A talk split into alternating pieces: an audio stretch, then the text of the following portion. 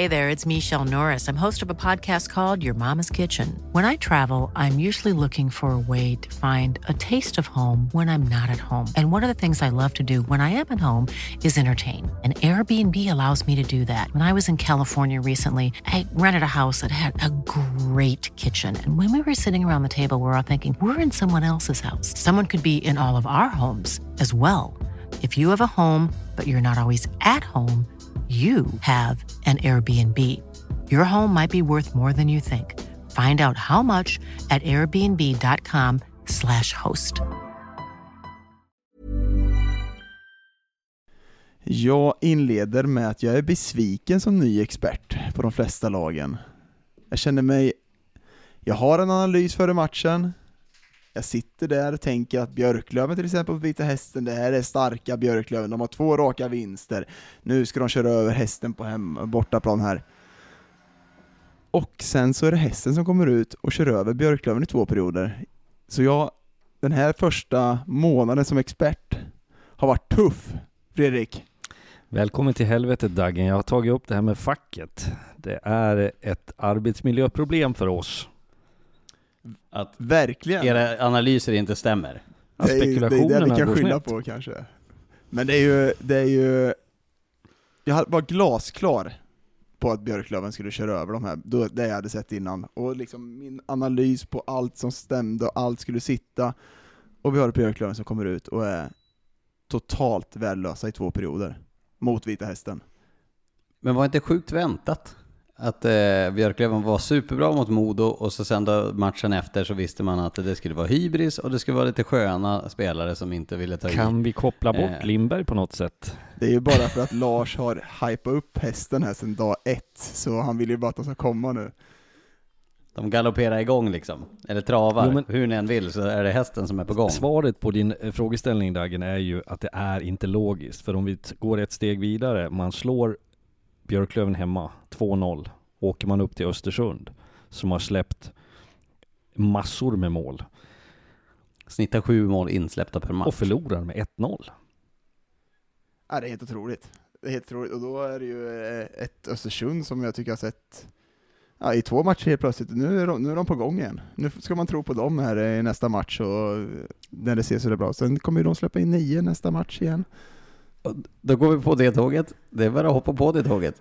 Nej, det är ju, eh, jag kanske under avsnittet får pudla lite också. Det kanske kommer en lite senare pudel här från mig.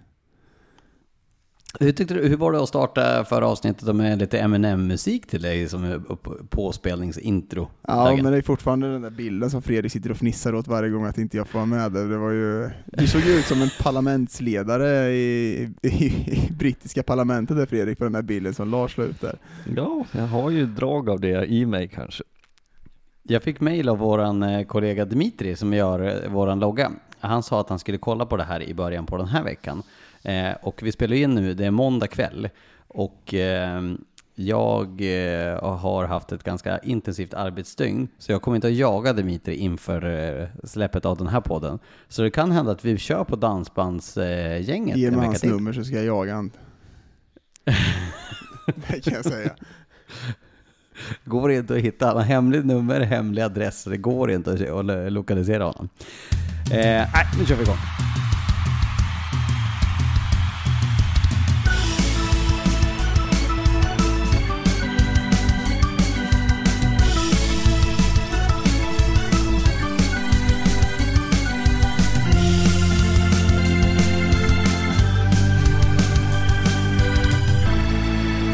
Hjärtligt välkomna ska ni vara till Rinkside som rullar på och vi har nått eh, mitten på oktober månad. Andra hälften till och med. Och vi är eh, nu måndag kväll. Det är AIK Almtuna på ett ganska folktomt Hovet som rullar i bakgrunden. Eh, senast jag och Fredrik eh, spelade in med hockey i bakgrunden så gick det siså där. Då var inte Dagge med, nu är Dagge med. Eh, och eh, vad har ni gjort i helgen i hockeyväg pojkar? Jag har dömt hockey. Jag dömt i fredags, en härlig division 1-match här nere i, i Småland. Bra drag på läktaren, bra trumma på klacken, härlig fredagskänsla. Så det, det, det, det är min, sen har jag faktiskt varit ledig, det var härligt. Oj! Lördag och söndag? Lördag, söndag ledigt, det var en riktig familjetid, så nu är jag helt slut. Problemet med ledighet för oss eh, som har småbarn är ju det att eh, det är ju nog så krävande att vara ledig som att jobba. Om inte mer, att springa och jaga barn. Ja, och det- man ska aldrig erkänna det, det är det jag kommer fram till också. Mm. Nej men det var... Fredrik, vad du hittar på? Jag eh, åkte ju hem. SJ och jag har ju en relation som är lite ansträngd ibland, men jag tog mig hem på lördagen och jag berättade faktiskt, jag satt i så här var det, jag skulle åkt på ett morgontåg. Eh, glatt meddelade SJ på torsdagen att eh, hej hej, ditt tåg på lördag är inställt. Med vänliga hälsningar SJ. Fick jag boka mig på ett senare tåg och eh, var laddad för att komma hem, se lite hockey på TV, umgås med lite vänner och ha lite trevligt. Och så får jag ett nytt sms efter lunch att eh, jag kunde förvänta mig en försening på grund av ett elfel med mitt tåg. Och då är ju topplocket på väg att gå på mig, så jag går och sätter mig på ett närliggande hotell till centralen, tänker att får jag nu ett dåligt besked, då tar jag in här, så jag är kvar en dag till och så ska SJ få sota för det här. När jag sitter där så får jag ett meddelande från Tommy Enroth som är eh, bror till eh, Jonas Enroth. Domare? I- Nej, den Nej, inte tredje. domare. Den Nej, det- det är tredje, En gammal hockeyspelare som är väldigt eh, hockeyintresserad och eh, kompetent. Även då på SJ jobbar han. Och han har följt mina vrede, han har lugnat mig några gånger och förklarat för mig. Då hade han alltså koll på något märkligt sätt att jag skulle vara ombord på det tåget som skulle gå. Och lät meddela att faran är över. Det, det vi kommer skicka ut ett eh, korrigerings-sms. Ditt tåg går i tid och han kunde dessutom ta fram till mig för den stora frågan då var, finns det bistro? Finns det servering så jag kan köpa mig en kaffe? Annars måste jag ha med det. Så det löste sig. Så hem kom jag, jag såg lite hockey, lugn och skön helg, gick och tittade på lite J18 hockey. Eh, Leksands J18 mötte Grums igår. Då kan man tycka, vad ska du dit och göra? Men få den där dagliga dosen av hockey tycker jag har sin charm. Så att man håller sig lite vid liv och vid gott mod. Men hur kan du fortfarande inte ha alltså, blivit eh, på någon form av så här, hotlista mot SJ? För jag menar, SJ har ju behandlat dig som, alltså som jag behandlar eh, sopor som luktar illa. Men ja, och inte, inte mer med det höll jag på att säga. På det tåget hem så möter jag en man på väg när jag går för att hämta kaffe som stoppade mig och pratade vänliga ord om, om oss på Simor och det vi gjorde. För att sen då eh, skriva till mig på Twitter. Jag sitter alltså tre rader bort och så tar jag upp telefonen och så att det någon som har skrivit till mig. Då var det den här killen.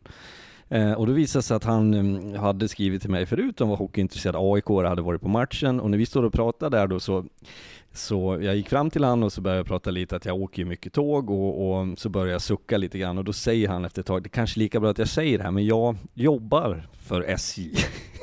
så då hann jag ju för en stund tänka att Som att erkänna att man är parkeringsvakt. Ja, men det kände jag lite så här, nu har de mig under bevakning. De har en liksom digitalt då och sen har de en de facto en person i min vagn. Eh, så jag skötte mig, jag har en, en eh, jag tror ändå på att åka tåg. Jag tycker det är ett härligt sätt att jobba, dricka kaffe, slappna av. Så att hem kom jag, nu är det måndag, nu är det ny vecka och nu, nu ska det poddas. Daggen är så taggad för podd så det är sanslöst. Frågan är hur mycket av det här som kommer att nå podden med tanke på att vi håller på i åtta och en halv minut och bara pratar om SJ och eh, barn. Så här långt. veta sånt. Ja men SJ, SJ-resan med Fredrik, det är ju en, det är en podd och Det blir en egen själv podd. Där. Ja, Eh, Jag hoppas ju på att SJ ska höra det här på något sätt och skicka någon form av alltså, Kompensation. förlåt-present. Någon form av uh, bomullsvadd. till dig. tisdag morgon, onsdag morgon. Eh, Ja. Topic, Fredrik Söderström på SJ. Kan vara så. Ah, ja, exakt. Nu, nu är det nog om eh, Ja. tåg. Eh, nu tuffar vi vidare till eh, ishockeyn och vi går till matchen som spelades i lördags, den mellan Västerås och Djurgården. Och eh, den satte ni all, eh, båda två bankade eh, framför, eh, som jag förstått det, och jag såg eh, ja, men två perioder ungefär. Vad tyckte ni om den matchen?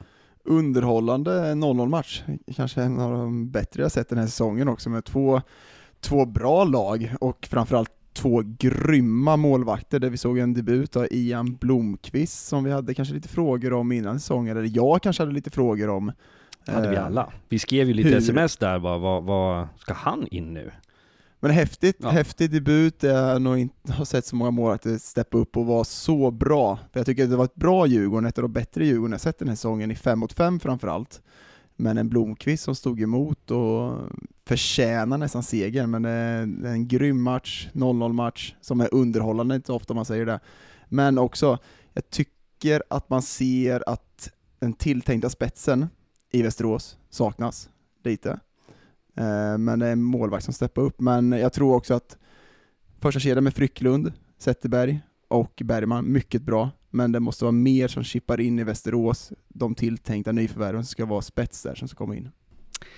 Det är väl så här med Västerås att ska de vara det där topplaget, nu, nu, nu hinner det rinna mycket vatten under broarna med allt ifrån att man kanske eh, värvar, eh, man gjorde sig av med From, man tittar säkert på alternativ, så saker och ting kommer att, att eh, förändras. Men jag känner lite samma som dig och det som är en utmaning för ett, ett lag av Västerås kaliber tycker jag är att få alla eh, att vara med samma dag. Det, det, går inte att ha någon som är bra lite då och då, eller för många spelare som har det mönstret, utan man måste få den här kompakta prestationen av ett helt lag. Sen tycker jag ändå att Västerås hade bra svar i så mening att det här var den första matchen jag såg med Västerås där jag tycker att man är samlade, konsekventa, man hade en hyfsad balans i sin, eh, vad ska vi säga, iver att spela. Det var inte det här dumdristiga att man tappar huvudet, utan man, man var mer, uppträdde mer som ett bra lag. Och det tycker jag var bra svar för Västerås. Sen att de inte får mer än en poäng, eh, det svider säkert lite grann, men jag tror också att de kan känna en viss eh, tillfredsställelse över att vi matchade Djurgården. Å andra sidan, men vad har du ätit Fredrik? Du har ju surrat i 20 minuter. Jag gillar det. I på den. Vad jag har ätit? Kom till poängen! Ja. Jag har ju somnat tre gånger. Ja, men Lars, vi kan Alltså, inte bara Lars. prata siffror. Nu, Lars, du, du har den här genen som kommentatorerna har nu, att 2012 så gjorde Västerås två mål i en andra period. Västerås har, som jag var inne på, gjort en bra match. Djurgården tror jag måste bevisa mer för att jag ska säga att de är det där givna, absolut givna ettan-laget. Topp ett. Alltså. Jag tyckte att, jag tycker Djurgården var bra i den här matchen. Jag tycker att de var mycket bra, speciellt de frågorna jag har haft lite i 5 mot 5, tycker de hade bra 5 mot 5 spel för första gången den här säsongen jag såg lite linjer i spelet. Men sen så, Fredrik, vem, vem ställer Västerås i mål? Du som är tränare, hur, hur, hur skulle du agera? Skulle du trycka in Blomqvist nästa match? Ja, jag fick en fråga idag från en journalist på VLT om det, som skulle göra någon slags enkät som antydde då att nu kanske Ian Blomqvist hade slagit igenom. Är det han man ska satsa på nu? Det tror inte jag. Jag tror att eh, Johan Gustafsson fortfarande måste vara i hög form för att Västerås ska vara ett topp tre-lag när vi summerar det. Däremot så är jag helt övertygad om att Ian Blomqvist kommer kunna vara bra, avlasta eh, Gustafsson och över tid bli bra, men jag tror inte att det sker över en natt, över en match. Eh, mycket bra summerat av er boys. Eh, om än det tog lite lång tid Fredrik. Eh, Jag träffade dig på några dagar Fredrik. Det är därför jag du är hackar på dig. Lindberg, ju bättre blir den här podden. Jag ska försöka dra igen så fort jag bara kan. Eh, nej men Ian Blomqvist, eh, bara för att förtydliga det. det alltså Mattias From är ju no longer i Västerås. Det blev i Danmark för honom. Eh, och Ian Blomqvist då. Men Johan Gustafsson, är det samma grej vi har sett på honom där som det var förra säsongen? Ett, med tanke på att han fick eh, liksom eh, kom igång i november, december där någon gång och började vara riktigt, riktigt bra. Eller är det bara det att eh, när Ian Blomqvist nu då fick chansen så hade han tur och träff på alla cylindrar? Ja, men det, det är väl bra att de får igång eh, Blomqvist också, att han var så här bra. Sen, kan han göra sån här match igen? Kan han göra så, fem, sex matcher sådana? Ja, det kanske han kan stå på huvudet. För han visar ju, han, jag tyckte han var explosiv, lugn i målet, såg bra ut, men sen så ska de, som Fredrik säger, ska, ska, det vara, ska Västerås vara i toppen så måste de få igång Gustafsson och få igång han rejält, för just nu är inte han varit tillräckligt bra, han måste liksom komma igång. Men det är kanske är bra att han får en liten spark i röven här nu.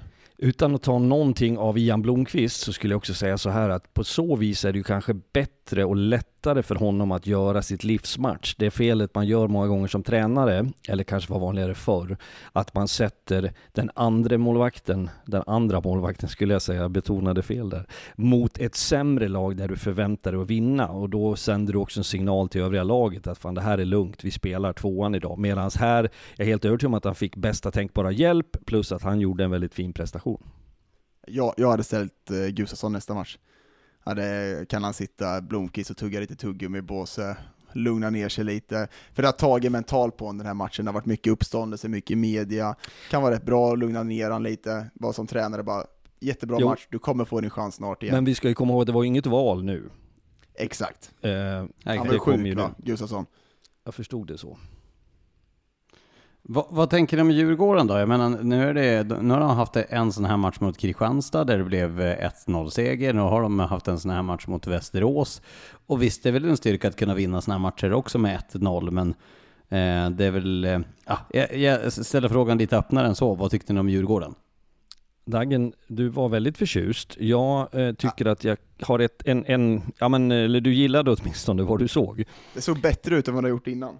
Ja, ja men jag kan hålla med om att inte det var absolut ingen svag insats och jag kanske har en, en kravbild som är lite för hög på Djurgården och tycker att de ska liksom leverera match efter match och man ska vinna med 5-2 i tom bur och det ska vara eh, kliniskt. Eh, där är vi kanske inte än och det tror jag Djurgården, till deras försvar ska man säga att de bygger någonting och vi tjatar om andra nybyggen. Djurgården kanske är det största av dem alla så att det kommer att ta tid. Ja ja, och jag tror nog att det, det är en inkörningsport för de här Kryger och Brodin också. Det är inte bara komma ner liksom, och då menar jag komma ner till Hockeyallsvenskan, det kanske är fel att säga, men det är en inkörningsport för dem också, och jag tror inte de, kom, jag tror de kommer bli bättre och bättre under säsongen. Men jag trodde att de skulle kunna se lite bättre ut i framförallt 5 mot 5 än vad de har gjort. För PP och boxplay, framförallt med Kryger i boxplay, så har de ju sett grymt bra. Men det är ju nog Carl Lindbom som har räddat många matcher åt dem som har varit ja, mm, fantastiskt bra. Vad tyckte ni om det ni såg av eh, Cameron Schilling då? Stack han ut på något Nej sätt? men jag läste också lite vad KG Stoppel sa idag och det var, jag tycker han ofta har sunda resonemang när de gör någon slags rapport där att han är ju inte i sitt livsform av förklarliga skäl. Han har kommit sent in och eh, inte haft den här försäsongen så att jag tror man ska ha lite tålamod men det, det är ju ändå en spelare som ska vara viktig för Djurgården såklart. Han kommer vara bra. Han kommer vara bra i slutändan. Sen kanske han inte hade eh, pulsen och kroppen med sig i första matchen, men det, jag tycker fortfarande att det är en bra spelare och han kommer leverera precis som Alm kommer att göra när han får lite mer is i det också. Eller mer is i när Eh, han får mer tid i. Ja, jag, jag, tror jag fattar ungefär vad du menar. Eh, vad, vad, jag tänkte vi måste ju beröra den här heta potatisen också. Det har ju stått ehm, eh, spaltmeter om Linus Klasen ska flytta hem till Stockholm. Eh, Stockholm har tre stycken klubbar, eller 08-området har tre stycken klubbar som eh, Linus Klasen då kan spela i om han inte ska liksom fly, flygpendla till Luleå. Men det tänker jag är ganska osannolikt med tanke på att han har eh, eh, haft eh, en familjesituation där han behöver ha stöttning och hjälp helt enkelt. Och då är frågan då, vad, vad tror ni där? Ska han tillbaka till Södertälje? Det känns ju som ett långskott. Och vad tänker ni om det skulle bli Djurgården eller AIK? Mest troligt Djurgården då. Äh, AIK, det tror jag inte det kommer bli. Det står ju mellan Södertälje och, och framförallt Djurgården. Jag tror att är det något lag som kommer ta honom så känns det väl som att Djurgården ligger i förarsätet. Och jag hade tagit honom alla dagar i veckan. Jag hade tagit han, har man råd med honom kör. Det är en klassspelare på den här nivån och framförallt en artist som ligan skulle må, som vi som sitter och kollar på ligan skulle må otroligt bra av att se. Jag tänker snarare att det vore bättre för Södertälje. Och det, grund... Det vore ju roligare att se honom i Södertälje. Ja, men också att det kanske är... eh, Alltså det finns många fina saker i Klasen och eh, vi vet alla hans eh, kapacitet. Sen ska vi komma ihåg att eh, han har blivit till åren. Vi har pratat om andra äldre spelare. Eh, klockan tickar inte så att säga till hans fördel. Eh, men och nu vänder man hem. Han har en tuff familjesituation, vilket naturligtvis är eh, någonting som de får slita hårt med och som, påverkar honom även i Sverige skulle jag tro att, alltså att, att det, det löser sig inte bara för att man flyttar hem. Eh, och jag tänker på det rent spelmässiga så är Djurgården, det är ganska fullproppat där när det gäller eh, viktiga positioner. Och det här är ju en spelare som inte ska åka runt i en tredje lina och vara lite skön. Utan han behöver ha en viss roll och han ska leverera och producera. Och där tror jag att Södertälje skulle passa honom bättre. Ja, jag, tycker, jag håller med dig helt och hållet med på det. Jag hade ju varit roligare att se honom i Södertälje. Men eh, Klasen är ju trots allt, han är äldre än både mig och Daggen nu. Han är född tidigt, 20, eh, tidigt 1986. Ingen ålder. Ja, Jag, jag tror Nej, att han skulle passa bättre, alltså jag tror att Djurgården skulle vara bäst för honom. Var, varför då? Nej, men jag, dels för att Södertälje, det känns inte som hans karaktär skulle komma ut lika bra i Södertälje. Jag tror han skulle få vara bättre i Djurgården. Dels för att jag tycker att han spelar med bättre omgivning, där han kan smälla upp eh, med passningar och powerplay och allting. Och dels liksom att det är kanske inte den karaktären som jag tycker Södertälje behöver just nu, eh, som de söker. Självklart de behöver en skicklig spelare, de saknar de, Luciano fick eh, gå nu och Krastenberg som inte leverera. Men jag tror ju att Djurgården skulle passa både för honom och för Djurgården bättre än vad Södertälje och Klasen skulle passa. Jag är ju dock ganska övertygad om att han kommer att sluta i Djurgården. Det, eh, det har ju inte sagts någonting om det här. Men flyttar han hem till Sverige nu så tror jag att det kommer att bli Djurgården. För jag tror det blir svårt. Ja, de har ju anledningar att ta in honom och de har ju råd att chansa också. Jag tror att han kommer att spela i Djurgården inom en månad. Eh, beroende på eh, hur snabbt det där kommer att gå. Men det var en ganska bra brygga över då till vad som händer i Södertälje. Eh, Luciani fick eh, inte förlänga, eller han fick inte vara kvar och ville väl säkert inte vara kvar med tanke på att det blev en match som helt enkelt blev Ja, det föll inget väl ut. Ett eh, Södertälje som var ju nära att eh, skämma ut sig fullständigt på Hovet i fredags. Det låg, låg under med 0-3. Såg riktigt illa ut. Var väl 5-1 som värst. Men eh, städade ju till de där siffrorna och kom undan med en blotta förskräckelse med bara en förlust liksom. Tankar om det Fredrik? Du var ju där. Ja men att Södertälje, jag tror han nämnde det lite tråkigt som att det var två steg fram och ett tillbaka. Så upplever jag att Södertälje har varit. Men det är, ligger i linje med min eh, tanke kring SSK att det kommer att ta lite tid. Men det som jag ser som positivt för Södertälje, det är ändå att man före den här matchen, som förvisso var till SSKs försvar, så kommer det jag menar, vi pratar om att Oskar Öhman gör två mål på två pucktouch i stort sett, kommer från 13 gubbe och in. Det formar ju matchen ganska tidigt, ett AIK som har varit hemmastarka eh, och som har visat energi där. Så att någonstans tog den här matchen lite fel väg. Jag tycker inte att Södertälje var urusla någonstans. Jag trodde vid 3-1 att man skulle kunna komma närmare, sen får man istället 4-1 emot sig. Man pratar ibland om psykologiska mål som man får på sig. Så att jag tycker snarare att det var AIK som den här kvällen då eh, plötsligt, får vi ju säga med tanke på deras sätt att bete sig på, bjöd till igen. Så att eh, SSK har ju åtminstone bevisat för mig, så mycket kan jag bara konstatera, att de inte är ett, ett lag för botten. De är ju någonstans i mitten i mitt resonemang nu med potential att vara bland de fem första.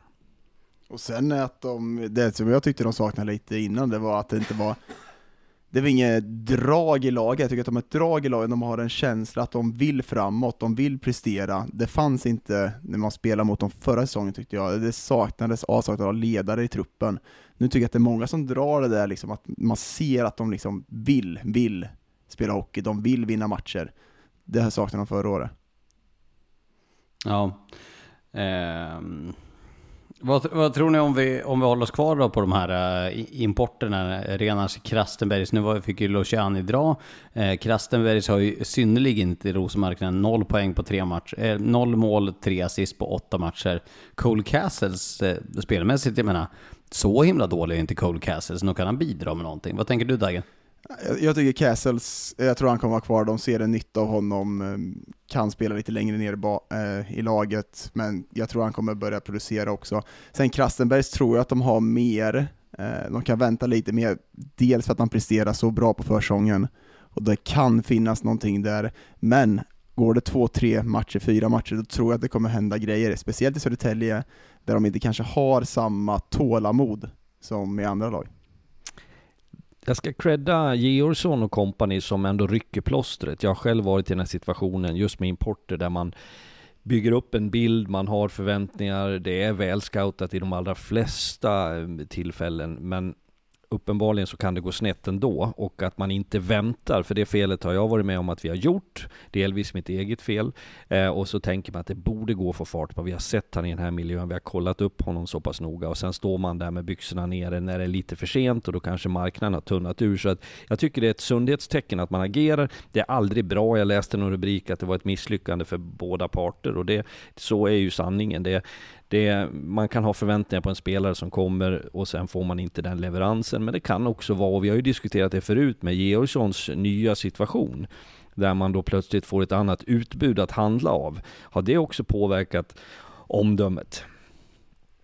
Eh, det är ju självklart, alltså det är större plånbok som vi pratade om förra podden, men det är ju framförallt eh, bra att liksom, ja men vi, vi ser att det här kommer inte funka, det synes tidigt. Skicka bort den, ta nästa. Nu ska det bara bli intressant att se, kommer de ta, Lukas Karlsson är ju, står ju fri på marknaden, han spelar i Södertälje, de vet vad Och de kommer Heiner få. ju också. Heiner är ju också och tränar med, med något gäng där ute i Scania-rinken. Det är kanske inte är den spetsen de letar efter, men det är fortfarande två spelare som de vet kan leverera på den här nivån som jag tycker de skulle kunna ta in och göra ett bra jobb just nu. Sen vet jag inte vad som är felet, varför de inte tar kontrakt. Lukas Karlsson hade väl ett kontrakt på bordet som han tackade nej till. Men det skulle ju vara bra att få in Lukas, för jag tycker att det är en bra spelare på den här, framförallt på den här nivån och sen som skulle vara bra i Södertälje just nu. Ja, Men, men om han tackar nej, eh, då borde det ju, alltså jag, jag har ingen som helst insyn och nu, det här är ren spekulation och det tycker jag inte om att, att, eh, att eh, hålla på med. Men jag menar, om han tackar nej, då måste det ju antingen vara ett, att han får för lite pengar, eller två, att han vill utomlands. För jag menar, det, det känns ju konstigt att han, han skulle inte tacka nej bara för att det är Södertälje. De, verkar ju, de har ju haft en bra relation, en stark relation i många år. Men nu är det ju Pratar du oktober Karlsson? också. Pra- Pratar om Luka Karlsson. men jag vet också att han var ju lite smått um, han var ju besviken på hur man resonerade om honom, men det var en annan ledning inför förra säsongen, eller efter, för två säsonger sedan. Det var ju en av anledningarna till att han valde AIK som jag förstod det. Jag för mig att vi gjorde någon intervju, eller om det var när jag pratade med honom. Eh, så, så inte vet jag om det finns någon tagg kvar eller som du säger Lars, det, det är rena spekulationer om det handlar om avtalet, jag vet inte. Men eh, vi befinner oss ju i en tid nu som för några veckor sedan kändes främmande för då var alla spännande, alla var bra, ny säsong. Men vi vet ju att någonting börjar hända. Man kanske sträcker det till tio matcher innan man ser att det håller inte på den här, vi skulle behöva göra någonting. Eller vi behöver plocka in, det kommer skador. För en sån situation har ju också SSK haft eh, med, med skador, fr- frånvaro som också, det går ju bra ett tag, men om du börjar få för mycket för länge så kommer du få, få, få sota för det.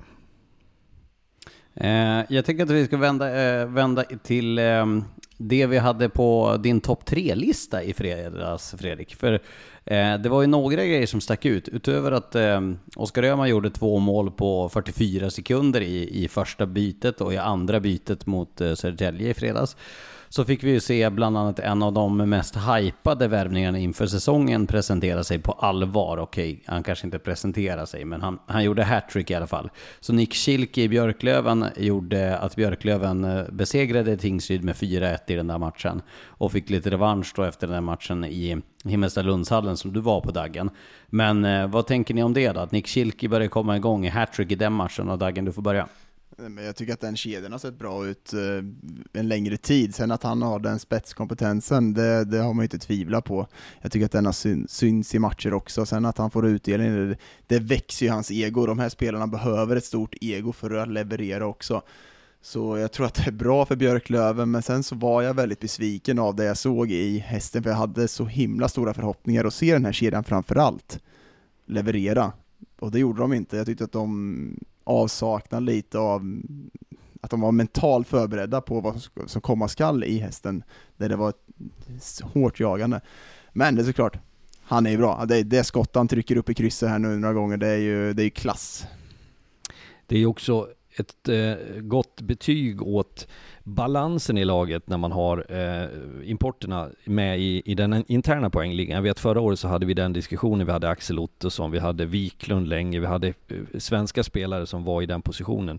Nu har man Schilke, man har Pooley, man har Weigel, vi kan väl låtsas att han är utlänning med det namnet. Det är Fortier, det är Fitzgerald på topp fem. Och det ska ju se ut så när man väljer eh, nordamerikanska eh, spelare in, att de faktiskt är i topp internt. Eh, eh, Var vi klara med Björklöven där? För jag kom ju på ett avsti- en liten avstickare här. börjar du skratta åt här nu? Ja men eh, Fredrik, vi har ju, vi missar ju det här i starten, men vi kan ta det under podden då. Men vi hade ju det mest öppna målet någonsin på en start på podden. Såg ni inte Dagge vad jag och Fredrik gjorde i fredags? Vi åkte tunnelbana! Jo, ni såg ut som två rädda... Det ser ut som, vet du de? Vad tror du vi var då? Ja, vi var ju livrädda. Det var ju gangsters och det var huliganer och det var folk som såg otroligt suspekta ut och sen var det eh, alldeles för rutinerade eh, åldermän och så var det jag och Fredrik som satt och såg rädda ut. Vi fick stå upp också på det där eh, vilt Det ser ut som den här, eh, det var en film när de här Amish people kommer till New York första gången, de får se så här människor Det första känns gången. lite så.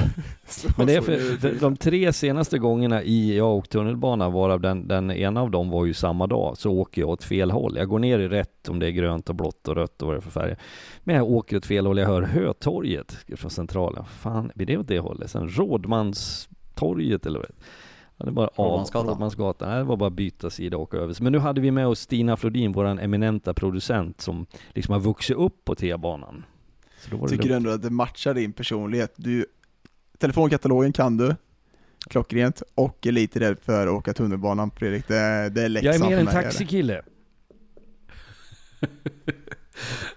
Eh, Stina var, ju, Stina var ju i chock med att se hur begeistrade vi var. För det, det, funkar ju så att när vi kommer till en hockeyarena eh, så har ju produktionen varit där ett tag innan. Så när jag kom in i bussen så, så, så, så vart de ju så här bara, eh, vad är det med dig? Jag bara, men jag har åkt tunnelbana. Och rulltrappa. Och försökte som skoja med att det var så otroligt stort. Så när vi kom in till maten, då hade Fredrik kommit senare också och varit exakt lika exalterad. Jag har också åkt till tunnelbana och jag har också åkt till rull- rulltrappa. Och alla var väldigt glada men eh, de förstod inte riktigt våran entusiasm. Jag gillar det. Men Fredrik, du, du, har du hämtat dig? Är du inte rädd längre för de här eh, alla gangsters och sånt som var och sprang runt oss? Nej, jag känner mig trygg i min hemmamiljö, men jag tycker det är spännande att vara och se på folket i den stora staden där. Jag, jag är mindre rädd när jag är ute och, och, och joggar och studsar mellan björnhuven när jag är ute på mina löprundor och sen eh, när älgarna kommer och stångas när man ska gå över gatan här uppe. Så att jag håller mig i norr. Vad, hockeymässigt då, vad, vad har vi mer? Vi, vi ska ju förresten senare under podden så ska vi presentera det som vi tycker är, eh, ja men inte höstens, men kanske första månadens lag. Och vi har även tagit ut ett bubblalag, så det ska vi presentera om en liten stund så om ni håller er kvar. Eh, men nu håller Daggen upp fingret. Nej men jag såg att vi, vi fick ju på det skreks på Twitter både till mig och Fredrik att vi pratade inte Almtuna, vi gav inte BIK Karlskoga någon chans i podden senast och Almtuna och Karlskoga fick inget och Daggen, han pratar inte om Karlskoga säger de. Det är han de vill inte prata i podden om Karlskoga. Så fick jag till mig och jag såg att Fredrik var ute och försvarade också lite där. Ja, ja men jag förklarar också så här till den här, det var en Almtuna-supporter som var med all rätt kritisk. Och då sa jag, fortsätter de så här så är det klart som katten. Och nu har de gjort 1-3 i powerplay på Hovet. Så att jag tycker att vi borde, jag tycker vi borde hantera Almtuna en kort stund. Ja men låt eh, höra med Almtuna då. Vi, vi pratade om Golokost lite grann förra veckan, men eh, Jakob Svensson har ju varit väldigt spännande den här säsongen. Oskar Asplund levererar. Vad tänker ni om det när jag sett av Al- Almtuna? Det jag tycker är mest eh, charmerande med eh, Asplund, höll jag på att säga nu bara för det, men Almtuna är sättet man uppträder på som lag. Jag tycker att man spelmässigt har en, en, en idé som är väldigt konsekvent. Man spelar med hög fart. Jag tycker man är vårdar puck på ett sätt som jag inte på förhand tänkte att Almtuna hade kapaciteten till.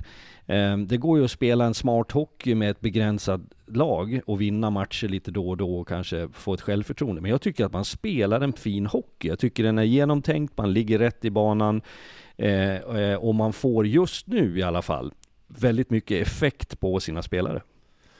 underhållande hockey framförallt. Jag kollar, jag kollar väldigt mycket på, eller kollar matchen två gånger nästan mot Karlskoga, där ett Almtuna som jag inte har sett kommer till Nobelhallen och uppträtt på det sättet någonsin egentligen, där de liksom äger pucken, bekväm att äga pucken, spelar inte bort den, chippar inte ut den som, som de kanske har gjort tidigare i år.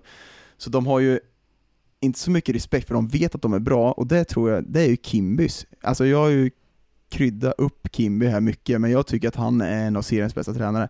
Och prata runt lite med spelare runt också, att han får den här acceptansen som jag tycker är bland det viktigaste som en tränare kan ha. Speciellt i ett lag som Almtuna som kräver att spelare ska kunna klättra under säsongen och få den skjutsen då med att man har en tränare som bygger upp de här spelarna med ett självförtroende under säsongen som de kan växa i.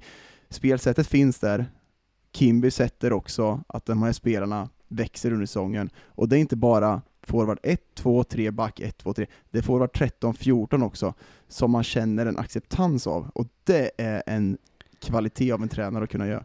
Och jag tycker dessutom att de uppträder med eh, en helt annan pondus. Om jag jämför med förra året så, så tolererade man att man var ett bottenlag och jag tyckte man uppträdde därefter. Ehm, men min erfarenhet är också att, att ett sämre lag, om jag får säga så om Almtuna utan att mena något illa, men det, det, är de ju rent kronor och ören än en del många lag i ligan, så, så kan du också bete dig som att du är framgångsrik, så blir du det. Det ligger lite i sakens natur. Det tycker jag att de har lyckats med. Mm. Det ska ju också sägas att eh, det är ju, ehm, eh, de var ju faktiskt inför fredagen ligans formstarkaste lag. Fyra raka segrar hade de då. Nu har de ju gått lite på, lite på pumpen här då mot Karlskoga senast. Det blev 4-2 eh, förlust i Nobelhallen där. Men Daggen, vill du fortsätta om Almtuna och ta någonting ytterligare där eller vill du gå över till Karlskoga? Vi kanske går vidare till Karlskoga. Vad tycker du där då? Men jag tycker det ser lite krampaktigt ut. Till skillnad mot Almtuna där jag tycker att det släpps lös och de verkligen får ut allt av sitt material, tycker jag mer att det kanske blir att Karlskoga håller i klubban extremt hårt. De har en bra defensiv, de har två målvakter som är riktigt bra, men jag tycker att de håller i klubban, att de är lite krampaktiga just nu kanske är lite mycket press på dem, eh, som det inte tycker att det ska vara, men jag tycker verkligen att de är lite krampaktiga i spelet och det finns liksom inte att det sitter just nu. Nej men sen, du, du, kan ju, du kan Karlskoga bättre än vad vi kan, även om inte du har inside information på det sättet idag. Du är inte en del av det laget nu, men du, du kan säkert värdera och bedöma spelare och tidigare lagkamrater när du ser dem.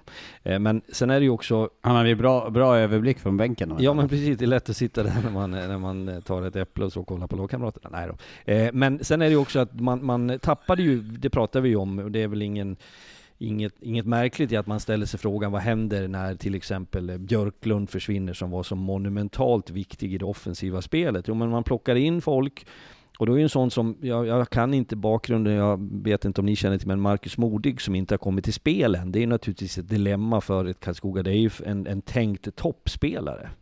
Han har spelat en match va? Ja.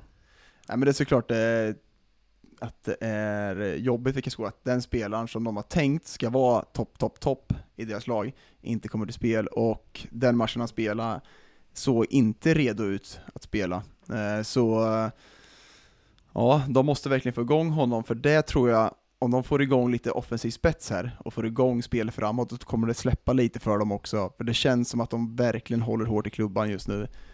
Men det är också Albin Eriksson tycker jag kom igång ordentligt och det var en spelare som jag inte trodde skulle vara så bra tidigt på den här säsongen. Och jag får en känsla, jag ska försöka förklara det här på ett sätt som gör att inte folk tror att jag tycker att de inte är bra, men jag upplever att Karlskoga har en stor andel fyra 3 till 4 plus spelare, eller getingar eller vad det nu är för bedömt, från 1 till 5, alltså betyg 3 eller 4, det vill säga bra, solida, stabila hockeyallsvenska spelare men skulle behöva någon som tippar över den lagmässiga prestationen med att någon, några femmor åker runt där ute och tar täten, som gör två plus ett eh, den där fredagsmatchen. Sen är det ny på, på onsdagen och då, då gör man eh, ytterligare två mål och så kan man de andra ta rygg. Och om det nu var modig som var en tanke att det skulle vara så, så, så är det ju rimligt att det hackar lite grann när du inte kan använda allt eh, din potential. Jag måste flika in två saker där. Jag tycker sällan jättestarka saker, men nu, nu ska jag säga som det är, som eh, jag tror att alla tycker och tänker och så får ni säga vad ni tycker om det. För det första, Albin Eriksson, så tycker jag också det, att han har överraskat att han har inlett så pass starkt. Han har varit framspelare, varit stor, han har varit stark, han har varit fysiskt, tagit sig in framför mål, han har gjort en poäng per match, han har varit jättebra.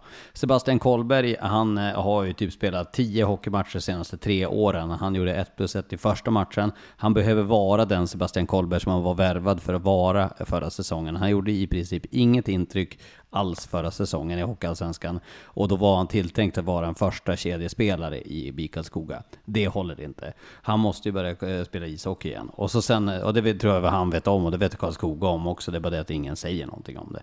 Eh, sen när det kommer till eh, Logan Cockerill så har ju han eh, inte synts till någonting. Det lilla som han har spelat så har han inte gjort något intryck alls i princip. Och där måste man ju få en effekt på offensiven också. Och sen när det gäller Marcus Modig så måste ju han eh, börja börja försöka hitta tillbaka till fokus på hockeyn. Det var struligt i Modo, det var struligt i Linköping, nu är det struligt i Karlskoga. Nu måste det hända någonting. Ja, han måste hitta det. Men det är Fredrik är inne på lite, att det är mycket 3-4 spelare. Det har ju varit ett problem förut att vi kanske, eller i Karlskoga har varit att när jag har spelat, vi har haft fem, att de här riktiga, riktiga topparna, men vi kanske inte har haft, vi kanske har efter två år i tredje, fjärde kedjan. Nu har de ett jämnare lag, men jag tror också för att ta, precis som jag pratade om andra lag, de måste ha spetsen nu, och Modig ska vara där, han måste komma ut på isen och leverera nu. Och det är en, som du säger, Coke där också, det går lite för fort för honom. Det känns som att han åker, åker, åker och vill så mycket, men han får inte ut det, och det är klassiskt också när man känner att det inte stämmer, man försöker ännu mer, och då blir det lite fel i spelet. Max Wendlund, invärvad från HV71 där han försökte göra avtryck förra säsongen. Han är nere i fjärde kedjan och spela. Eh, det är ju ytterligare en spelare som jag hade eh, förväntningar på att han skulle kunna färga det här laget lite mer.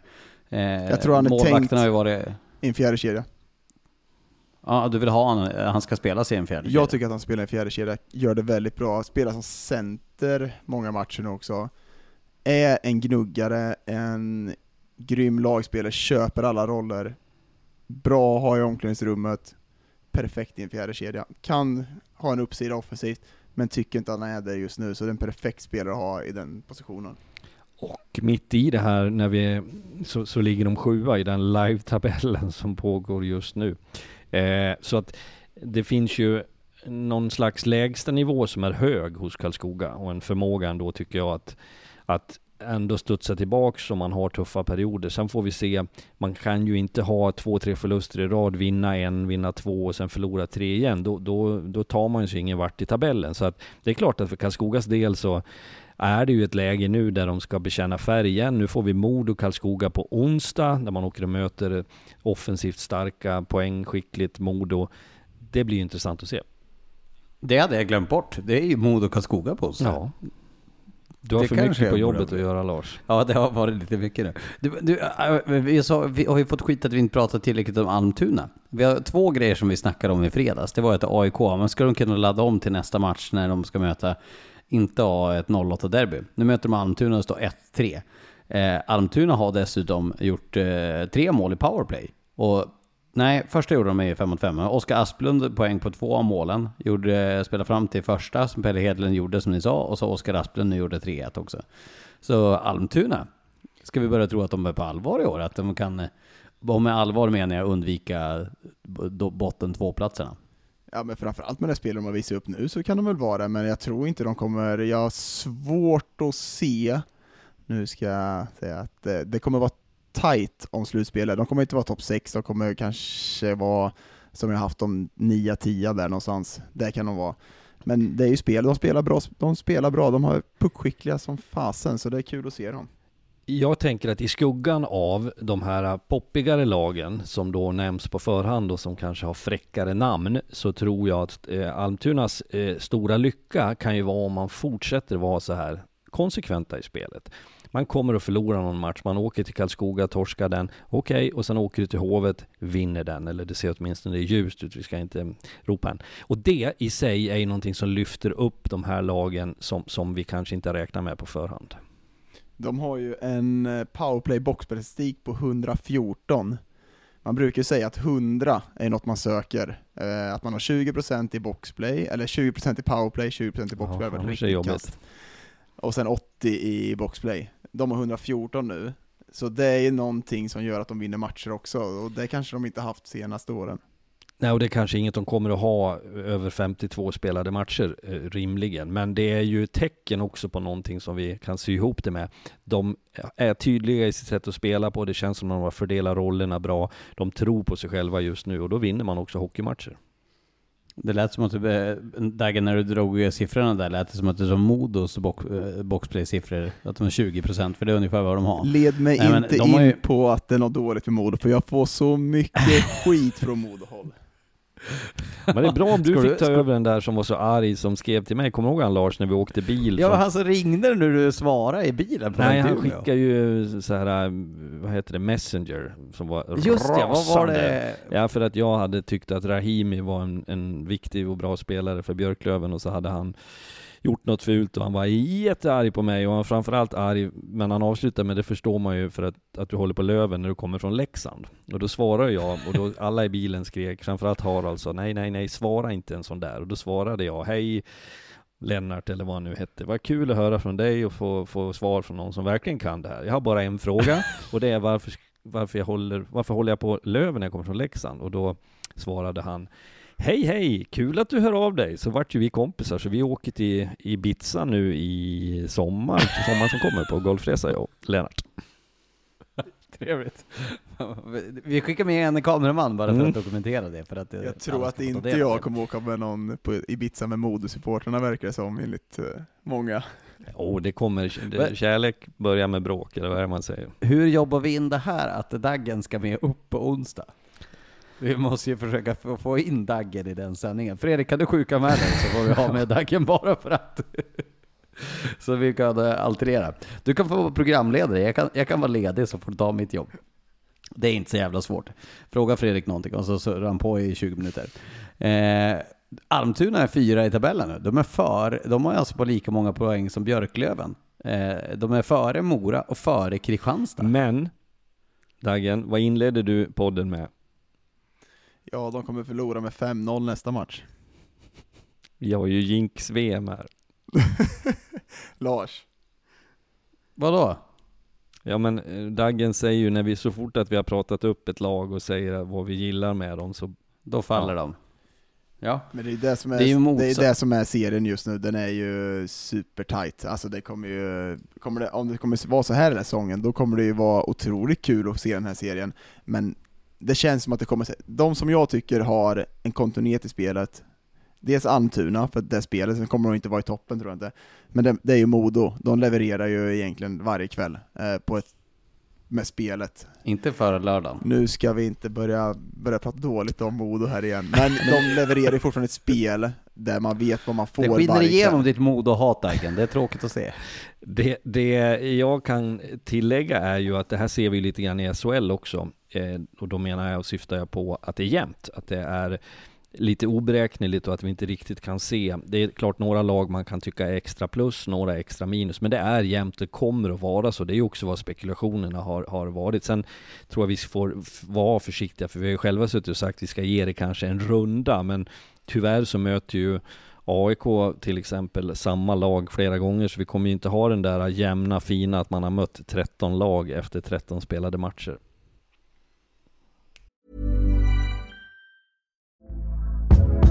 Hey there, it's Michelle Norris. I'm host of a podcast called Your Mama's Kitchen. When I travel, I'm usually looking for a way to find a taste of home when I'm not at home. And one of the things I love to do when I am at home is entertain. And Airbnb allows me to do that. When I was in California recently, I rented a house that had a great kitchen. And when we were sitting around the table, we're all thinking, we're in someone else's house. Someone could be in all of our homes as well. If you have a home, but you're not always at home, you have an Airbnb. Your home might be worth more than you think. Find out how much at airbnb.com/slash host.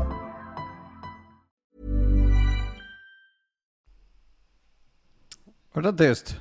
Ja, Jag håller bara med. Ja, elpriserna har gått upp nu så micken funkar inte. det börjar bli mörkt ser jag också där nere.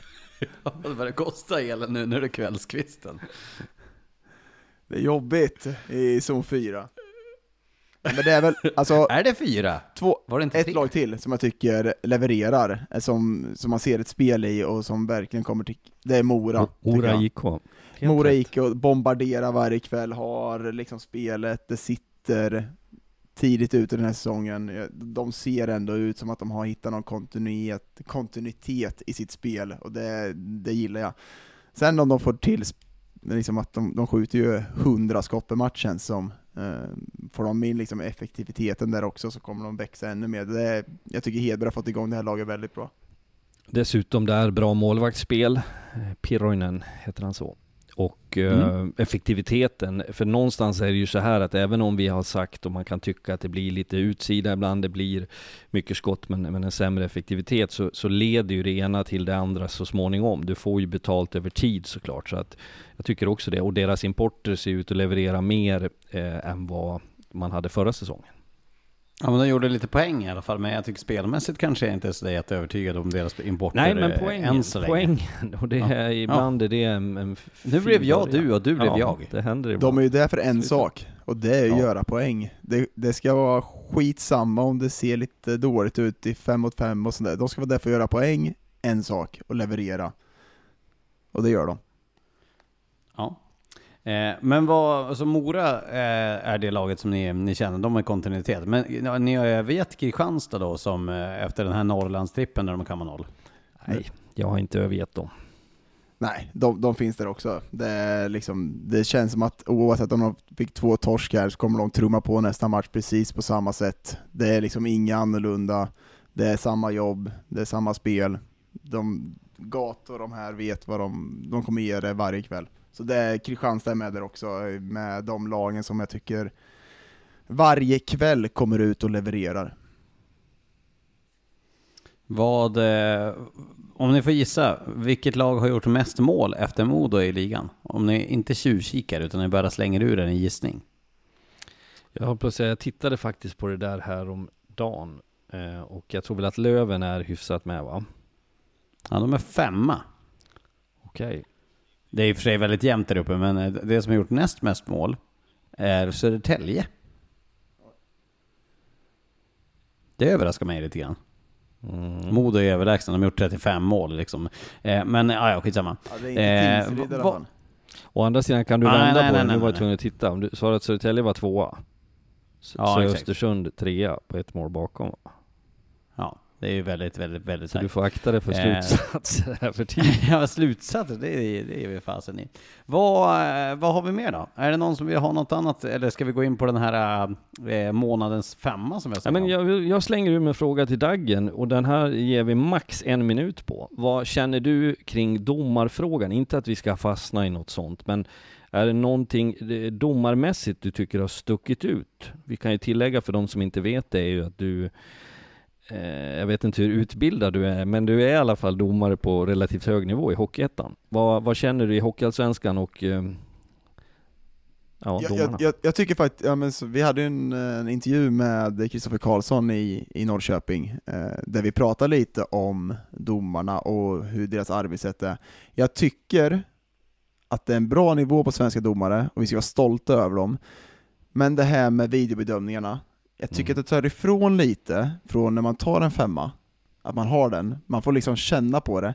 Jag tycker att det tar bort beslutet på isen. Det måste vara en tvåa eller en femma direkt. Det ska inte vara videobedömning varje gång. Där måste man ta ett snabbare beslut. Ja, om jag minns rätt där på den intervjun Dagen så frågade du eh, honom, eh, Karlsson där, om, om eh, det på något sätt påverkade domarnas eh, förmåga att döma. Och det är det jag tror händer. Om, om, om jag hade en second chance i, i allt jag gjorde hela tiden.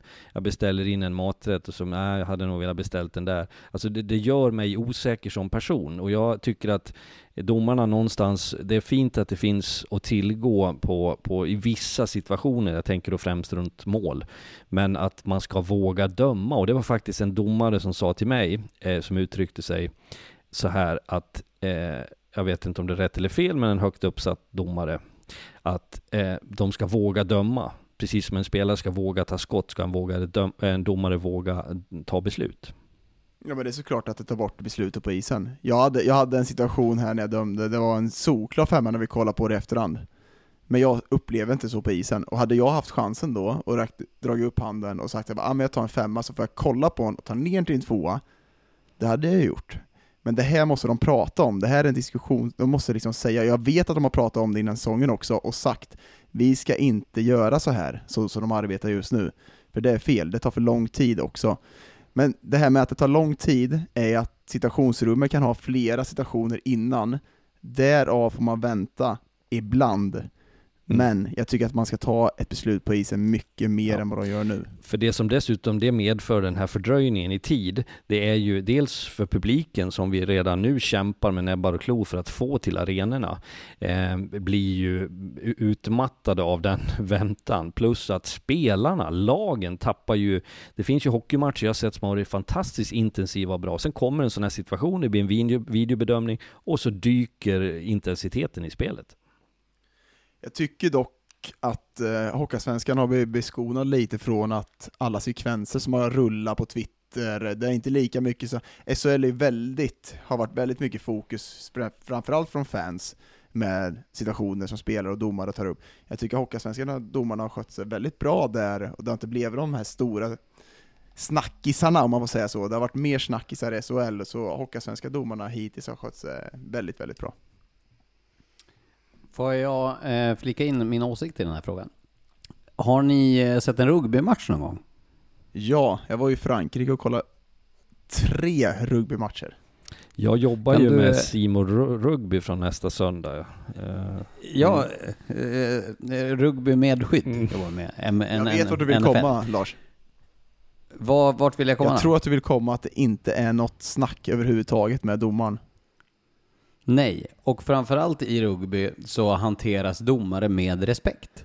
Att eh, det är, alltså den gnällkulturen som vi har i Sverige på domare eh, är för mig helt oförståelig. Jag, vi, vi måste göra någonting för att få det att bli bättre. För att den här gnällkulturen, jag tycker att det har gått sån överstyr och jag tycker att det, jag är otroligt negativ idag mot det. Men framförallt är jag negativ för jag, jag såg vad som hände på derbyt i, i Stockholm igår. Jag tycker, eh, jag har sett fram emot derbyt eh, den 2 november mellan AIK och Djurgården hela säsongen.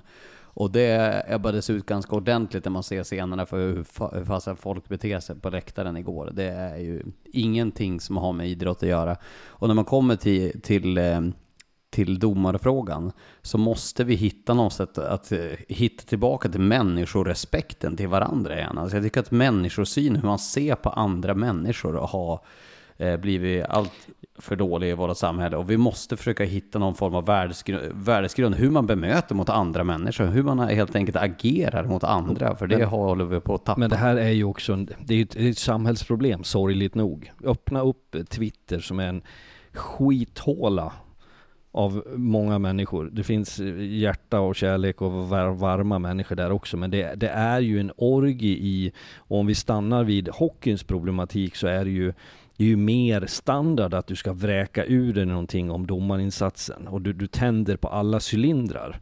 Eh, och, och det gör mig, det, jag tycker det är lite tröstlöst ibland. Det ska inte blandas ihop med väldigt många som inte gör det. Och jag tycker också att hockeyspelare generellt och även hockeytränare, även om tränare kan vara bittra och uttrycka sig dumt, men jag har själv gjort det vid tillfällen så jag är absolut inget föredöme där. Men jag tycker att det har blivit bättre som jag uppfattar det, klimatet. Det här kanske du kan svara på Dagen. Jag tycker liksom inte att det är de här enorma kapningarna. Jag tycker inte man går till attack, utan det där är ju någonting som det skrivs mer om. Det är ju en, en, en liten skara supportrar som använder andra forum för att verkligen ge sig på domare.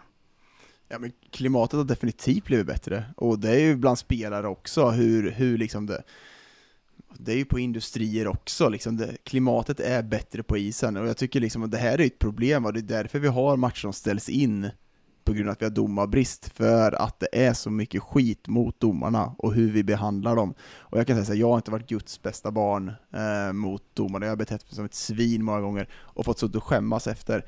Men jag tycker att liksom respekten måste finnas där och man måste ha respekten efter, kunna ta handen och säga så här, bra match.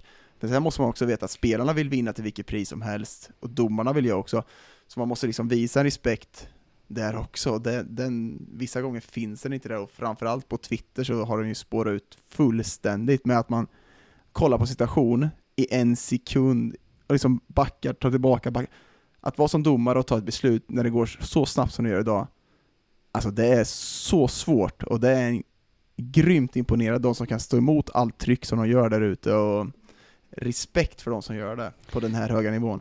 och, och den vanligaste kritiken som jag får till mig eh, i, i rollen på Simor, det är ju att vi och jag inte pratar mer om felaktiga domslut eller att vi tar in domare eh, i intervjuposition. Och, och, för att kort bara beröra det så, så tror jag att domarna jobbar ju nu med någon slags kommunikation, har jag sett Hockeyallsvenskan från omklädningsrummet själva, de förklarar vissa domslut och så.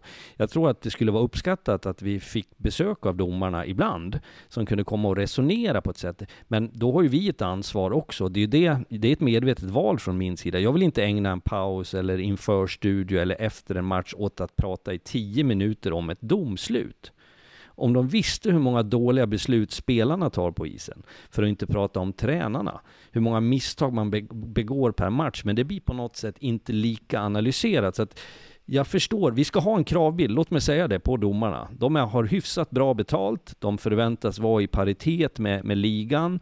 Det gäller både SHL och Hockeyallsvenskan. Och vi ska naturligtvis resonera kring det som går snett. Men det får inte bli den här jakten. Nej, det ska mm. inte finnas. Det var kul nu, vi dömde ju här nu i fredags här i division 1, nu går jag tillbaka till det. Och vi har en felaktig icing. Och jag åker till bås och så säger jag, ja men lugn, lugn grabbar, lugn grabbar. Men vad fan, ni ser väl att det är felaktig icing? Ja, men domaren har gått ut och sagt, det är mitt fel, det har varit fel, vi tar pucken i slutet. Och så ni har väl slagit fel pass? Nej, skriker tränaren bara. Nej! Okej, okay, och sen gick vi vidare, men han, han förstod ju vad jag menade sen till slut. Så. Nu ska jag eh, inte prata om min aktiva idrottskarriär, men jag var, jag, jag var och spelade en eh, fotbollsmatch eh, sent i min fotbollskarriär och då var det en, en episk gammal domare från min hemort som heter Martin Pettersson. Han är, jag vågar inte spekulera hur gammal han är, men han är bra bit över 70 i alla fall och dömer fortfarande. Och då var det någon som surnade ur på honom och så sa Men Martin Pettersson, för i helvete! Hur jävla dålig kan man vara? Och då, då svarade han bara Varför tror du att jag dömer dig?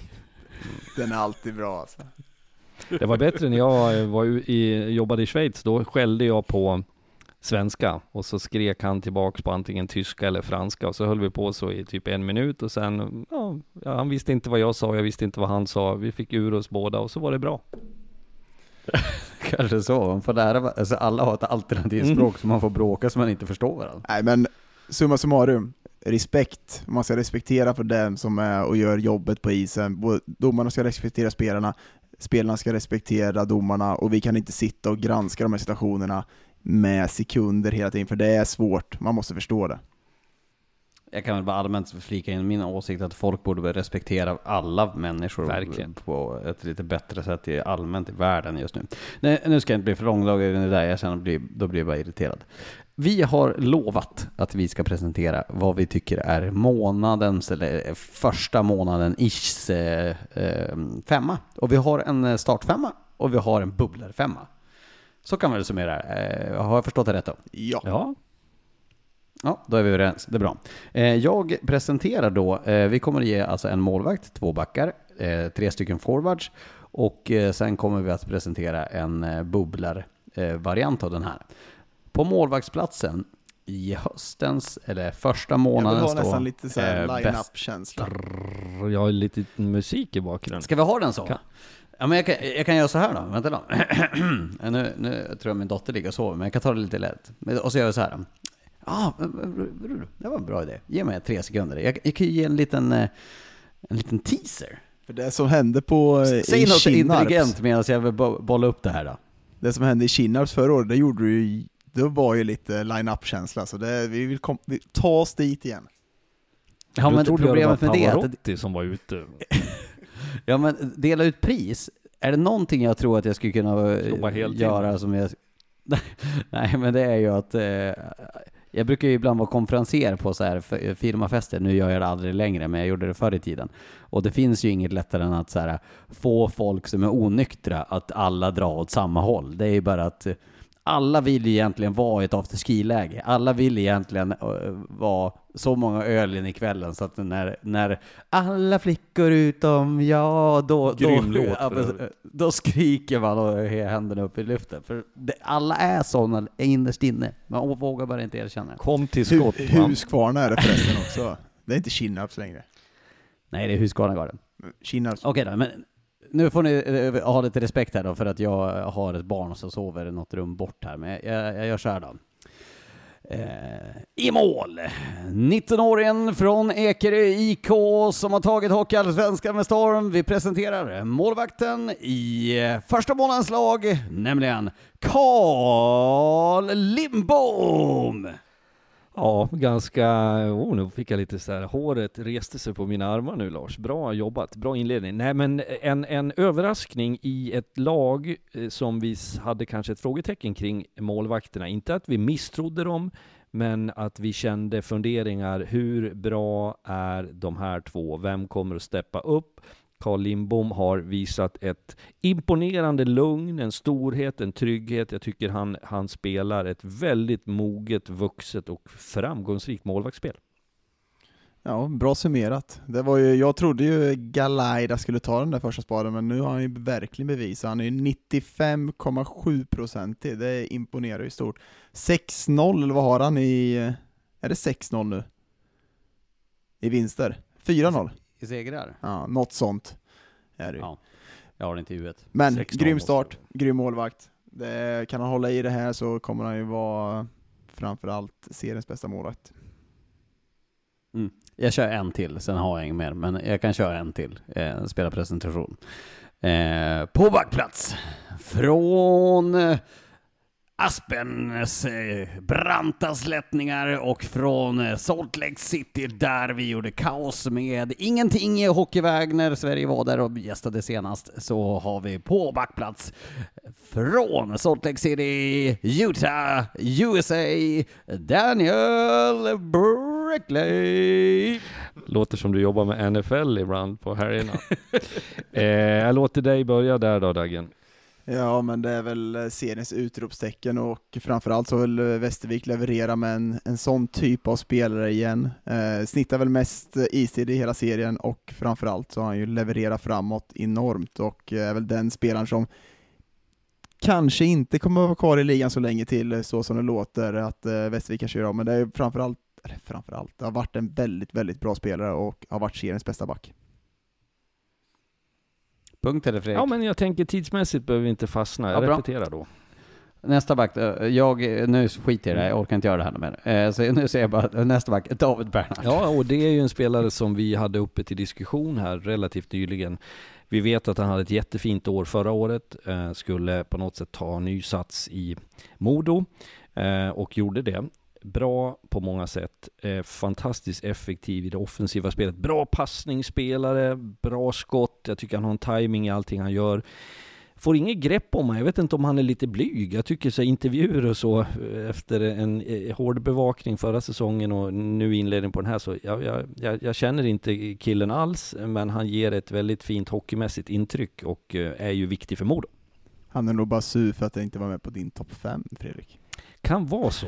Det, det var nog samma som efter dig i Övik där som, eh, som var efter mig då. Eh, vi går vidare till forwardsplatserna. Eh, den mest givna är hans lagkamrat David Bernhards, nämligen Riley Woods, eh, som ju leder poängligan och som eh, trots den där matchen mot Björklöven, när han inte sågs eh, speciellt mycket av, så har han ju varit, eh, ja men kanske bäst i ligan tillsammans med Danny Brickley inledningsvis. Och där hade jag stora frågor om eh, det var Vigneault som var bra eller om det var Woods som var bra förra året. Nu tycker jag att det är Woods som levererar den här kedjan och driver det här laget framåt och som har har väl varit den kedjan som har varit hetast och väl gjort mest poäng också, den kedjan tillsammans. Så eh, imponerad av att Woods kan leverera utan Vigneault också, som jag tyckte var seriens bästa center förra året. Eh, så imponerad av vad han har levererat i år och han kommer ju fortsätta så som man ser han. Han är ju hungrig att göra mål och poäng känns det som.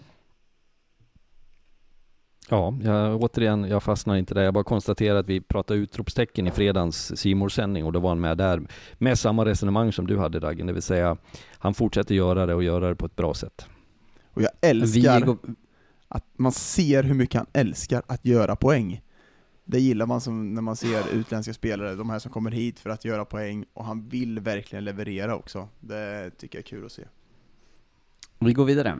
Eh, på eh, den andra ytterforwardsplatsen, så eh, det blev faktiskt ingen vidare diskussion av det här. Jag menar, vi hade ju ganska många att välja på där egentligen, men jag menar, det hade kunnat vara Pasic, det hade kunnat vara mm, Ja, det hade varit, kunnat vara ganska många. Men vi valde till slut att ta Nick Schilke. Mm. Det är ju spets, det är kvalitet och jag tycker också på sättet han, han gör det. Sen är jag så krävande och kräsen i mig själv att jag ska se ännu mer av honom över tid. Men för att eh, berömma honom nu, det man ser han gör, det är väldigt skickliga jag tycker både tankemässigt fördela puck men också målen han gör, är, eh, han håller hög nivå. Eh, vi går vidare till eh, centern då. Marcus Vela, så det är helt enkelt två spelare från Modo, två från Västervik som eh, finns med i det här laget. En djurgårdare och en björklövare som är i den här femman. Vad säger Marcus Vela? Nej, det, det, är inte så mycket att säga mer än att de, de har levererat i Västervik och det är ju spelare som man hade frågor för innan säsongen om de skulle träffa rätt i de här spelarna, men det har de verkligen gjort. Det är en stor rightare med bra pondus på isen, så det är, det är bra spelare som kommer troligtvis att eh, vara kvar i Västervik. Känns inte som att lag skulle kunna ta honom, men man vet aldrig. Vi har lite oklart på målvaktspositionen i vårt bubblalag. Eh, bara för att förtydliga så blev det då alltså målvakt Carl David Bernhardt och Danny Brickley på backsidan, Nick Schilke, Marcus Vela och Riley Woods. Det är våran eh, första månadens bästa femma. Med målvakt dessutom. Eh, våran bubblakedja, vad sa vi? Eh, var det Andrén eller Filip Larsson som vann den här? Det blev Filip Larsson till slut va? Jag tror inte vi spikade något, men låt oss... Vem vill ni ha då? Nej, men Andrén eller blir Filip Larsson? 1-4 just nu på Hovet. Eh, jag tycker vi kan slänga in Andrén där. Filip Larsson fick ju vara med på utropstecken i fredags, han får, får lugna sig lite nu. Vad tycker du Dagen? Nej men jag, jag det, verkligen, alltså varför inte? Det, han har i ett Almtuna som vi har varit imponerade av, eh, och där en målvakt är så viktig också, så var, varför inte ska han vara med på den? Det, det finns många målvakter som jag tycker har levererat starkt den här säsongen, men Andrén är verkligen en som vi hade höga krav innan säsongen också, men som har visat att han håller på, att han är den bra målvakt som vi trodde. I så fall så kommer vårt bubblarlag, och det här säger vi då att det här tog vi ut i morse, alltså måndag morgon innan matchen mellan AIK och Almtuna, så kommer vårt bubblarlag att innehålla tre stycken Almtuna-spelare. För på backplats har vi även med Oskar Asplund i bubblarlaget. Fredrik, vill du säga? Det var tystnad här. Ja, men nu tillfredsställer vi ju den här trevliga mannen från, från Almtuna. Nej, självfallet inte av det skälet. Eh, och det här kan ju alltid slå fel och det finns ingen rättvisa i det. Men de är ju dessutom de här tre del av ett lag som gör det överraskande bra. Det tror jag vi kan vara överens om. Och, och då är det ju högst rimligt att man är med där för stunden. Det är ju framförallt ett lag som vi inte trodde skulle vara där uppe och som vi hade eller som jag trodde hade för mycket division 1-spelare från början, som har levererat rejält, och det är ju en puckskicklig eh, spelare som jag verkligen blivit svag för, som jag tycker är, ja... Han, Andrén? Andrén, han är väldigt bra på puck. Hade väl några assister senast, men nej jag vet inte.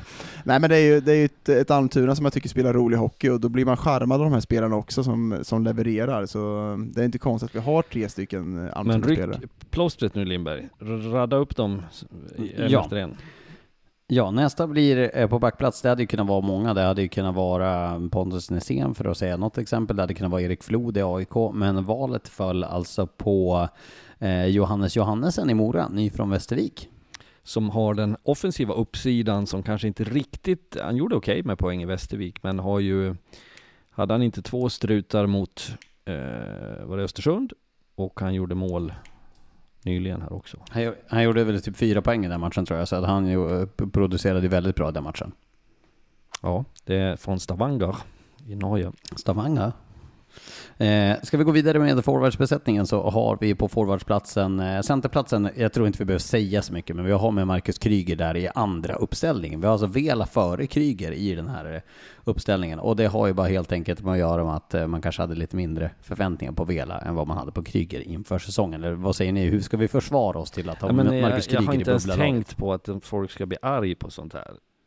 Nej, det blir folk Men det är väl Ingen mest som de som har överraskat lite, som man inte ja, kanske har trott på innan. Eh, alltså, Woods Ja. trodde vi såklart på, men Velas hade vi ju frågetecken om, ja, är, det, är det Georgsson som har levererat eller är det Västervik som levererar de här spelarna? Så det är såklart, Vela har ju imponerat.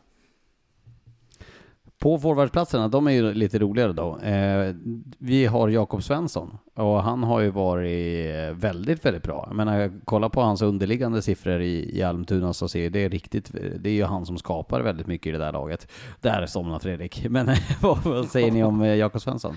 Jag ser honom i bild just nu.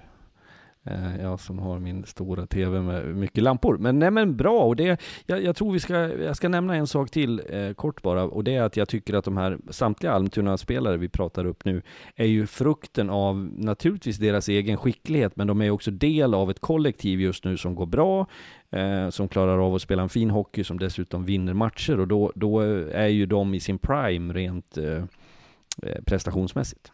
Och del av att Robert Kimby kanske får ut max av sådana här spelare också. Ja, Ja. För vi har ju en tränare också Sista- va? ja vi kommer till det. Men sista namnet, sista forwardsplatsen tillfaller eh, Nikola Pasic. Ja.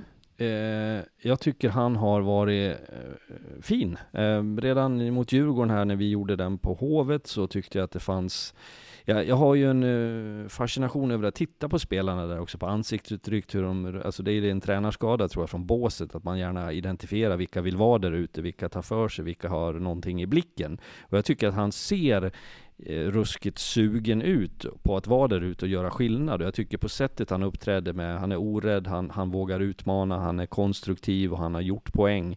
Så är han, han är riktigt bra just nu. Du har ju spelat med han Dagen i Karlskoga, så du vet ju hans kapacitet. Ja, men jag tror att han har vuxit mycket vid sidan av. Det känns som att han är en mognare person. Jag var helt galen på Niklas Skåne när han inte jublade när han gjorde mål. Jag tror att det var en osäkerhet från honom, att han liksom inte visste hur han skulle agera. Nu är det mer, det kom, allt kommer naturligt för honom.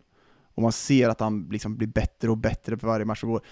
Självförtroende kommer, för han har haft en säsong som kanske var tung förra säsongen. Från att han kom från Karlskoga, där han tyckte han levererade, men jag tror att han har framförallt mognat vid sidan av och det syns på honom att han har en mer pondus, han vet vad han liksom får ut på ett annat sätt. Så det, och framförallt han jublar när han gör mål. Jag har varit galen på Niklas Skåne när han inte jublar. Nej, det är det värsta jag vet också. Ja, folk måste få leva ut sina känslor när man gör mål. Det man ska kan man bli glad över. Jag kan säga, Vi går jag jublade i alla fall när jag gjorde mål. ja, Jo, jag kommer Det- ihåg det- den gången. jag också. Jag minns när, när du avgjorde Björklöven borta i boxplay där och då, då minns jag att jag träffade, jo det var Sundin, era gamla materialförvaltare. Och han eh, som numera är i Färjestad, han sa det att förstår du att jag ska sitta och åka buss med det här egot i 12 timmar? Ja, det, det är såklart att det, det hördes ju lite mer när man hade smält upp en 1-0 mot Björklöven, det är såklart med lite klackar och grejer uppe i krysset, så det, då fick man alltid leva lite rövare längst bak i bussen.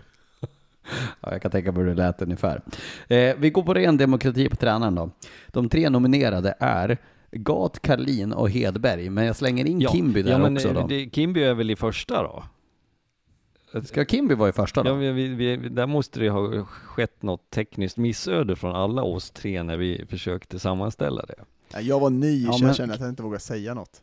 Nej, men det får vi... Ja, men Kimby, Kimby är tränare för A-laget då? Ja, det tycker jag. B-gänget, eh, ja men alltså vi ska inte kanske ha, det är spelarna som vi ska utse, men det är relevant att resonera kring tränarna och det är ju tre som jag tycker har, har eh, visat jag menar, Karlin leder serien så det vore ett enkelt val. Johan Hedberg har vi pratat upp att Mora har gjort det bra och Gat är där. Eh, Fagervall, eh, också en utsatt Jag position. vill ha Hedberg. Jag tycker Ja. att eh, Kalin levererar med det som vi tror att han ska leverera. Eh, jag tycker att Gata bevisar förra säsongen.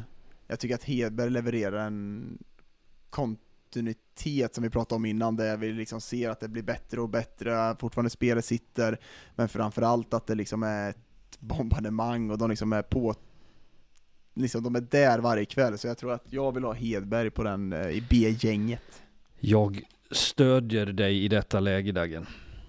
Och jag lägger min röst platt. Då har vi följande lag då. A-laget. Om eh, månadens bästa kedja. Lindbom i mål. Bernhard Brickley på backsidan. Kilke Vela Woods tränas av Robert Kimby. Och eh, sen har vi bubblargänget då, där vi har eh, Viktor Andrén i mål på backsidan, Oskar Asplund, Johannes Johannesen, forwards Nikola Pasic, Marcus Kryger och Jakob Svensson, tränade av Johan Hedberg. Det är mycket bra grabbar. Det, jag tycker vi, vi håller det. Jag skulle bara säga, för jag tappar lite fokus här. 1-5 på Hovet nu. Vi har pratat Ja. mycket om Almtuna och berömt dem, ja. Vad säger vi om AIK? Ja men det var ju så sjukt väntat. Vi pratade om det här i, i fredags, om att de gör en sån där bra match mot Södertälje. Och jag tycker att det här är med många lag i Hockeyallsvenskan, att det, det blir såna här matcher hela tiden. Och det finns någonting som säger det att motivation, du kan aldrig bygga, bygga upp eh, en prestation på motivation. Du måste bygga upp den på disciplin. Eh, Oj, vad har du och, gått för eh, ledarskapsutbildning nu då? Ja, det, jag tänkte så i min, min viktresa här under sommaren, att man kan inte börja träna och göra grejer när man vill, utan när man är motiverad. Man måste göra allting på disciplin. Och jag tror att det är samma sak när man gäller att prestera på en hockeyallsvensk eh, arena också. Du måste Ja, kunna vara disciplinerad nog att göra ex- Ja men eh, vadå, det är väl exakt samma sak. Du, alltså, om du ska luta dig tillbaka på motivation i, i Hockeyallsvenskan, då kommer det att bli så här som det har varit för jättemånga lag. Och det är det är tyvärr det som är problemet för AIK och för många andra lag den här säsongen. Det som jag flaggade för innan serien drog igång, när vi hade första podden tror jag, vilket jag har sagt i tv-sammanhang också, det är ju att vi, jag trodde att AIK skulle gynnas av att de skulle försöka vinna sina matcher. Sen hade man dessutom inspirationsmöten med SSK och Djurgården. Men det här har ju visat sig att de är på hugget i en sån match, men klarar inte av eh, att vara det mot Almtuna. Så att det här är ju ett AIK-dilemma som, som de måste få ordning på, och det snart. Ja men, jag blir nästan lite förbannad när jag, alltså jag ser det på rätt sätt, för jag vet själv om det skulle vara i, om man skulle vara i laget, frustrationen och ha liksom AIK som kommer ut och kör över Södertälje i första perioden med den, alltså känslor, det liksom smäller i sargen.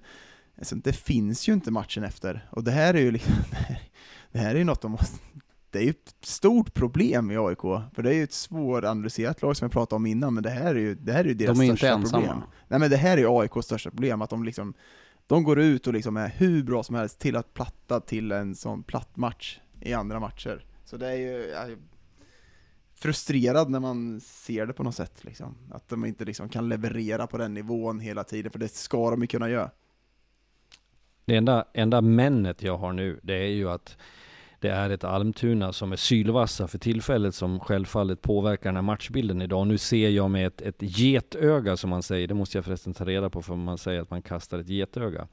Eh, men eh, med, har också skrivit att han är imponerad. Ja, ja men det är då jag känner att då är vi i hamn eh, i våran Exakt. grupp här. Men eh, ja, nej men att, att eh, ja vad fan, nu tappar jag tråden. Vi skiter i det här nu. Kopiera Christer du In som ser brukar lite säga grann Harald. matchen. Mm. Ja, exakt.